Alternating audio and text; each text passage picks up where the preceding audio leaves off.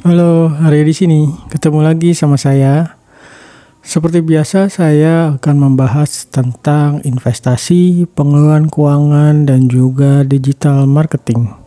Ya, tujuannya supaya kamu bisa bebas finansial. Kali ini saya akan bahas tentang kartu uang elektronik yang diambang kepunahan. Kebijakan pemerintah untuk menggunakan sistem MLFF atau Multi Lane Free Flow untuk semakin mempercepat arus di jalan tol. Sistem ini merupakan teknologi sistem pembayaran sentuh pada gerbang tol atau pembayaran gerbang tol yang memungkinkan tanpa pengendara harus menyentuh alat pada gerbang tol. Sehingga bagi pengendara yang melewati gerbang tol nggak perlu lagi buat berhenti dan melakukan tapping pada alat di gerbang tol karena sistem MLFF ini akan menggantikan saldo uang elektronik di kartunya.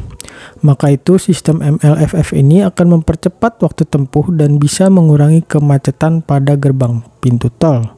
Nantinya tarif tol akan terkalkulasi melalui aplikasi pada ponsel yang terhubung dengan sistem tersebut saat kendaraan sudah keluar dari tol.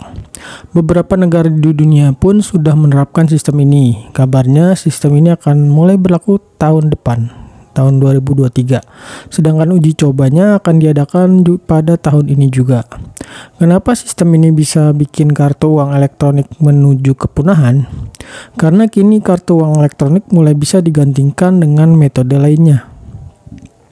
Sebagai contoh, pembayaran untuk uh, apa komuter lain. Kamu yang naik komuter lain sebenarnya ada alternatif lain pembayaran selain pakai kartu uh, elektronik yang dari bank. Kamu bisa gunain aplikasi link aja dengan cara melakukan pemindaian pada gerbang. Selain komuter lain, kamu juga bisa menggunakan aplikasi link aja saat akan naik Transjakarta sehingga kini semakin banyak alternatif untuk alat pembayaran pengganti dari kartu uang elektronik. Bahkan aplikasi dompet digital juga sekarang udah bisa digunain buat ngisi bahan bakar. Misalnya menggunakan OVO di SPBU Shell dan menggunakan link aja di SPBU Pertamina. Pembayaran parkir pun kini bisa menggunakan aplikasi dompet digital kayak GoPay, OVO, sama Link aja.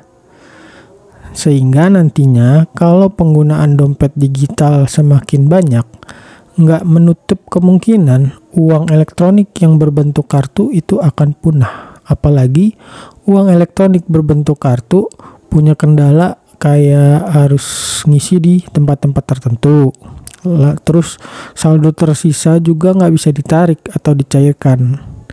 Ini beda ke, dengan aplikasi dompet digital yang bisa diisi dengan transfer bank juga bisa diisi lewat marketplace.